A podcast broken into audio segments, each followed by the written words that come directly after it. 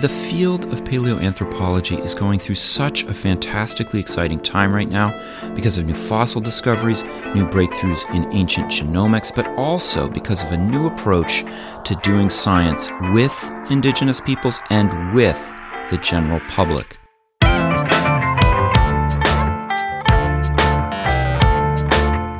It's time to eat the dogs. I'm Michael Robinson.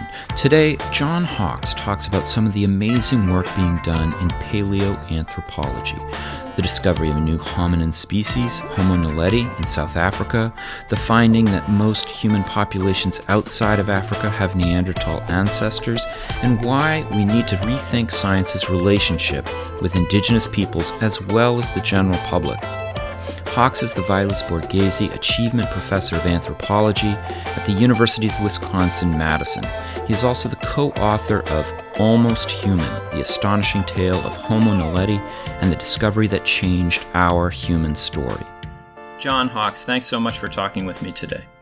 Absolutely. Great to be here.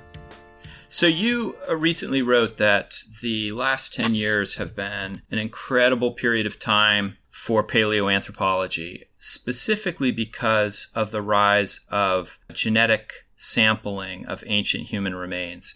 I was wondering if you could tell us some concrete ways in which the genetic story of ancient human beings and their travels have changed in the last decade. Sure. Um, if we look at the world in 2008, you know, no substantial genome sequence from any archaic human had ever been recovered. Um, there was the first pushes of sequencing DNA from Neanderthals, which began in 1997. Um, but but that was initially just a small part of the mitochondrial DNA, and it gave you a very small bit of information. And that's that Neanderthals had a mitochondrial lineage that was divergent from ours, and that no living people shared it. Um, if you looked at the world in 2008, people really had taken that fact and assumed, hey, Neanderthals really are extinct. They're gone. Modern humans all derive our ancestry from some very small African group that lived something like 200,000 years ago. And, and that's the story of our evolution.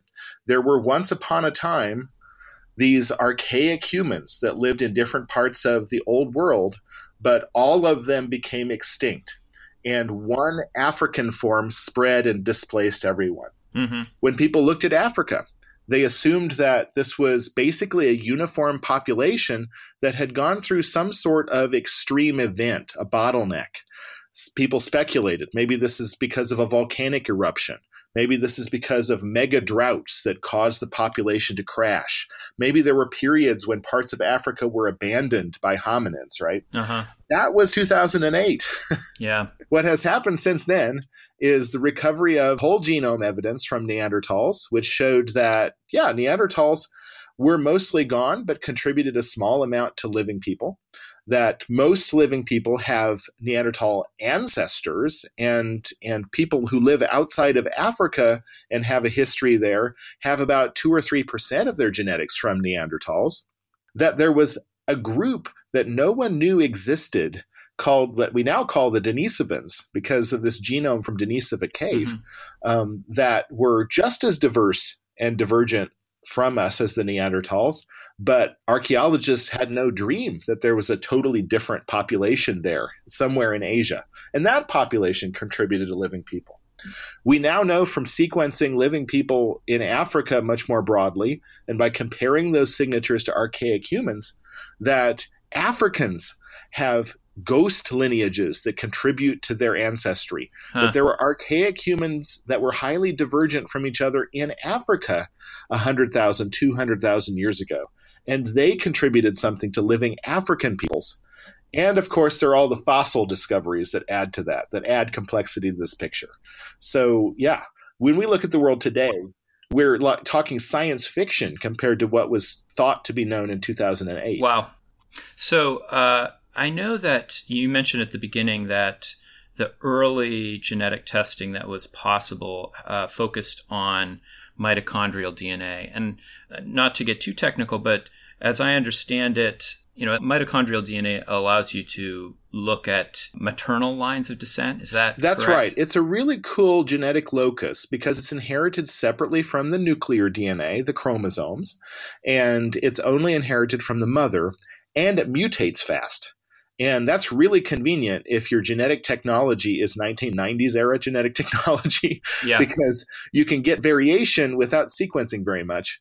And you can tell whether lineages are related to each other very clearly because it doesn't recombine. hmm Um, but that also has a downside, right? One of them is that you're only tracing that one lineage, the maternal lineage. Um, another is that because it's only inherited from the mother, and because everybody only has one copy of it, it's actually really, really tiny in its variation compared to autosomal DNA. And so it tells us more about recent events and recent population growth, and much less about more ancient events. And that's a real downside when you're looking at ancient populations like archaic humans. I was wondering if it made it seem more likely if you just have mitochondria that one population of humans wipes out another because essentially if you, all you can study is you know what's the line of matrilineal descent you can't see if there's other kinds of interbreeding you know between members of these different communities is that true It's sort of true. When we look at recent cases of population contacts, population mixture, conquests by one culture over another, we look at those and we see that in some cases the mitochondrial DNA of a previous population is overrepresented. You know, women are being more incorporated into this population than men. Um, in in other situations, the mitochondrial DNA is much less represented than than you might expect. So there are sex biased uh, things that go on with migration and with and with human interactions that mitochondrial DNA is picking up on. Also, it's really limited in what we call the effective population size. So, if there's going to be a small fraction of survival of genetics, the mitochondrial DNA is much more likely to be wiped out than autosomal genes uh, because the autosomal genes are there in more copy numbers and you can inherit, inherit them from both parents. Um, and both of those factors combine to give it a bit of a bias. And in the 90s and early 2000s, we knew what the bias was. You know, you can read papers that say, well, we can exclude that Neanderthals made up more than 10% of the later modern human population.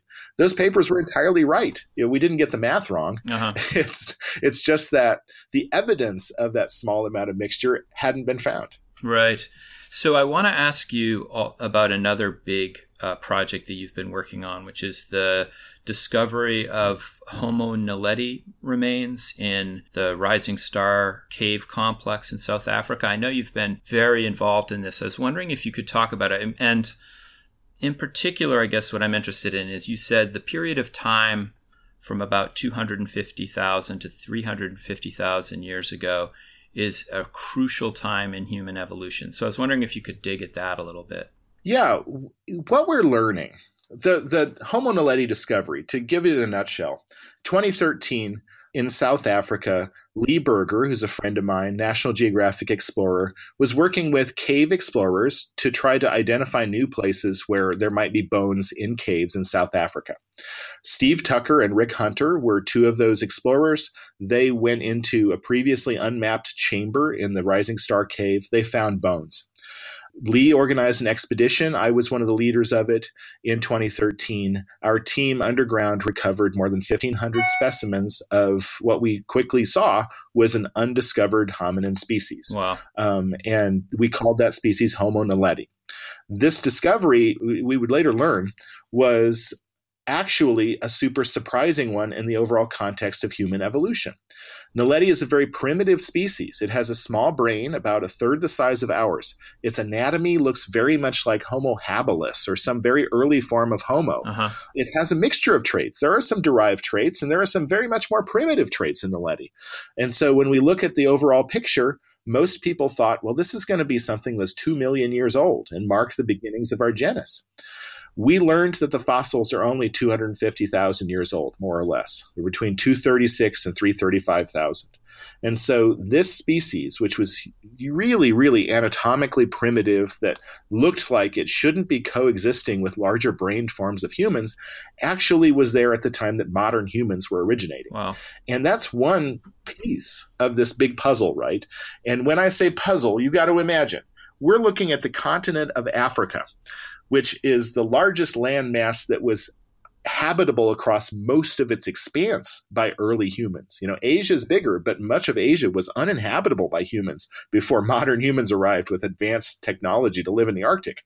So, so when you're looking at Africa, you're looking at this huge landmass, and we have explored only small parts of it for fossil hominids, mm-hmm. only in the Afar Triangle of, of Ethiopia, in southern Ethiopia, in some caves in the northern coast of Africa along the Mediterranean in Morocco, in uh, the Rift Valley of East Africa, and in caves in South Africa, including the South African coastal caves.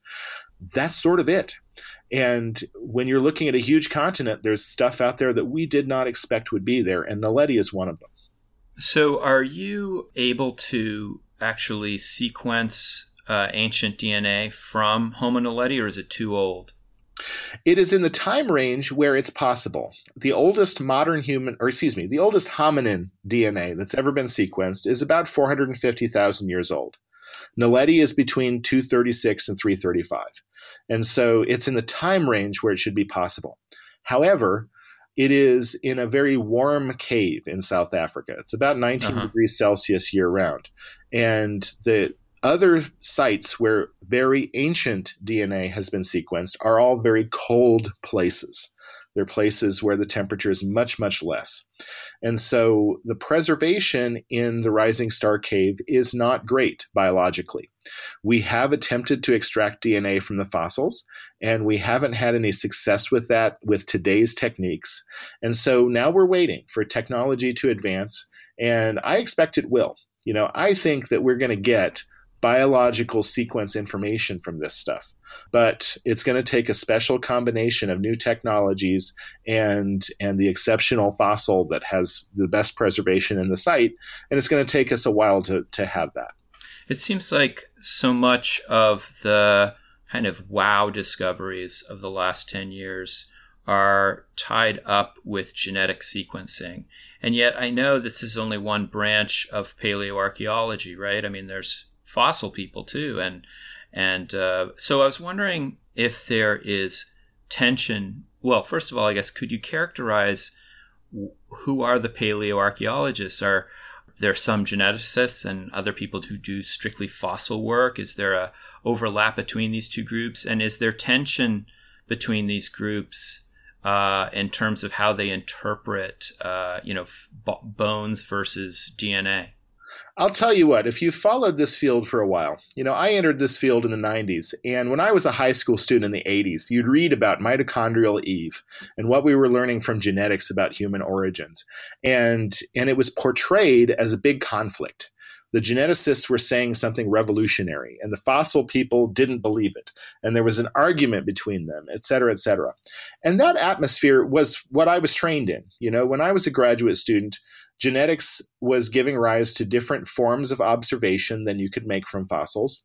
It was a challenge to try to integrate what you were finding from genetics with fossils.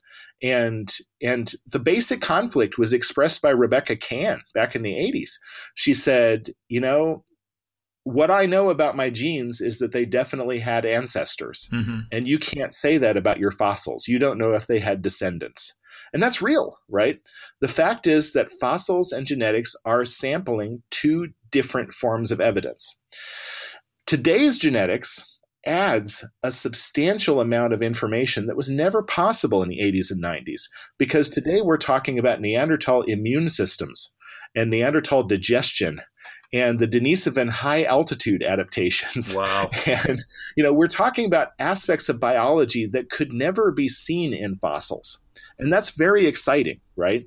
And what it's caused um, is is a diversification of what people do. Uh-huh. You look at a team like our team in the field in South Africa. We're working with excavators who have incredible experience underground, who can work in very challenging situations to recover the Naledi bones out of the Rising Star Cave. We're working with anatomists who do not go in the field, who are specialists on different areas of the anatomy. They specialize on the foot, the hand, the skull, the teeth. And they study those things compared with every other fossil in the world and give mm-hmm. us an assessment of where Naledi fits. We're working with people who are specialists in phylogenetic analysis to try to put together the big picture of where Naledi fits in our family tree. We're working with geologists who are working on the flowstone layers to figure out what the ages of deposition of Naledi are. And we're working with chemists and geneticists who are trying to uncover biological information from the fossils. What you see is this incredible team of scientists. We've got more than 150 people involved, and everybody's got their specialty, and it all has to fit together into one big picture somehow. Yeah. And and that I think is the model for what paleoanthropology is today. I think that there still are areas of suspicion and, and, competition. You know, people have deep feelings about whether their fossils belong to one lineage or another. But the fact is, when you're looking at 3 billion base pairs of a genome, it's pretty hard to argue against against what they tell you. Yeah. And and what we become is a much less argument driven, debate driven science and a much more data driven science. And that's really yeah. exciting. Well, the reason I ask that question is, you know, I'm a historian of science, so uh, we we look for the points of conflict and uh, debate in the oh, past because yeah. they're really they're really interesting. And some of your writing, where you talk about this cultural, uh, let's say, friction between the fo- fossil approach and genetic approach, it reminds me a little bit about a book that uh, Roger Lewin wrote I think it's called Bones of Contention.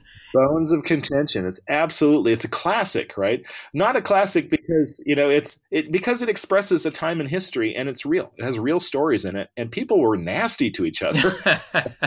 well, and I what I loved about the book was that he described this period. I think it was in the late '60s. You can correct me if I'm wrong there, where people are just beginning to figure out uh, radiocarbon dating, and they're kind of coming into uh, conflict with the strata people who are uh, dating fossils according to different measures. And his point in that is that, you know, you'd think they'd figure out a way to kind of see uh, the same picture, but it took a while. I mean, there was a lot of cult- cultural issues that separated those groups. And I was just wondering if something like that exists today. You know, when you look at what's going on with paleogenetics, and especially, right, when we talk about the ancient archaic human fossil record and and the genetic record of Neanderthals and that sort of thing. I think that these are are sort of you know people are pursuing separate interests and people like me are trying to fit them together. But when you mm-hmm. go a mm-hmm. bit closer to the present, you have paleogenomics folks who are trying to work out population histories of modern human populations. Where did today's population of Europe come from? What was what explains the spread of Indo-European languages? Um, what explains the origin of peoples of the New World, of the Americas? Um, how many migrations were there into the Americas, right? Those are big questions too. And they involve modern humans and their movements and population dynamics. And what you see is geneticists who are coming in with incredible technology to uncover connections between genomes, genomes of ancient people, genomes of living people, but who are not trained in anthropology, who don't have contacts with indigenous peoples whose DNA they're they're using in their comparisons. And those those aspects do create a lot of friction because uh-huh. we're in an area of science now. I could say as much as my friends and I cared about Neanderthals in the 1990s, we did not have living Neanderthal descendants who were who were you know deeply concerned about their origin stories and where they came from and were feeling oppressed by science, right?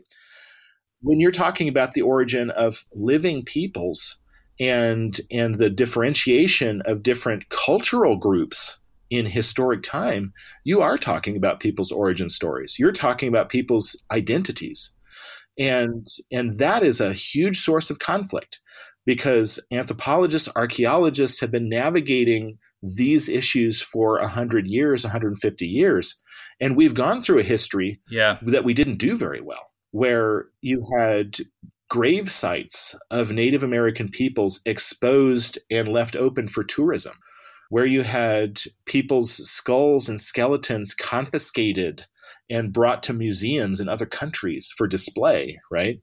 Mm-hmm. And and that sort of history is endemic to anthropology archaeology. It's something that we deal with the legacy of today. A responsible anthropologist has to know what to do with human remains and how to contact people who might be connected to them and what the federal and, and international regulations are related to you know repatriation yeah um, and these are all things that geneticists are not experienced in and are coming into without the kind of depth of history and training and that's caused yeah. a lot of friction yeah you um, recently wrote i think it was in the wall street journal you had a piece and you talked about both the exuberance and enthusiasm of uh, of genetics as it's applied to ancient humans, but also maybe a bit of the naivete that that comes with uh, this new culture moving into work that, as you put it, archaeologists and anthropologists have been trying to figure out for the last hundred years. So my question is this. You clearly are somebody who cares a lot about the genetic component of this work uh, even though we know that a lot of native peoples have been treated pretty poorly uh, by anthropologists in the past. What what do you see as the way forward there? I mean, what's the what's the way to resolve that dilemma? You know, you know, I work in South Africa, and in South Africa, there is this really, really deep and troubling history of race and how people have interacted and how people have um, have subjugated you know different cultures different racial groups in that country and when we work there and our project is south african led right? And and we have south african mm-hmm. scientists and and explorers and people who work on the project at every level in south africa. When i look at that project and i say what is it about this that works? What is what is it that you have to do today to be a responsible scientist working in areas that have this history First, you have to interact with the public and with every group within the public to the greatest extent that you can, right? Those communication systems have to be open and they have to be two way communication, right? You need to be listening to people. You, you know, I would ask many geneticists who, who are my friends and colleagues, right? Why do you care so much about the origins of this group that you're not a member of? You know, what are you getting mm-hmm. from that? Are you getting a scientific paper from it? And is that benefiting your career? You know, are you satisfying some deep curiosity that you might have had in the past? Is this a project that somebody assigned to you because nobody had done this group before, right? Look at your motivations and think, how can I actually bring people into the study of their own history? And you have to meet people where they are. I mean, the fact is that what you care about as a scientist and what you know and what you're connected to in the realm of scientific knowledge may actually have very little connection with ordinary people in the world right? And we all know this. We know that yeah. a lot of things that scientists do are hard to translate to the public. But in the areas of human history and human interactions and human past you have to bring that in you need people to be engaged in the research that you're doing because if they're not, then you're doing it wrong. Right. You're not doing the best science that you can do. For us working in South Africa, doing the best science we can means engaging the public at every level. It means creating jobs for local people in the areas where we work. When we're protecting sites, we're creating employment at sites. It means working with World Heritage authorities to make sure that what we're doing is sustainable, that it can be sustained into the future as a means of transmitting information about the past to people of South Africa and the world as we go forward. So I was wondering, um, uh, just at a very practical level, I mean, you're you're able to talk about so many different aspects of this kind of work, but I was wondering, where do you primarily spend your time? Is it you know, is it like sequencing DNA in the lab, or are you uh, out, uh, you know, digging through rocks in the uh, Rising uh, Star cave system, or are you doing public outreach? I mean, what what are the components of what you do?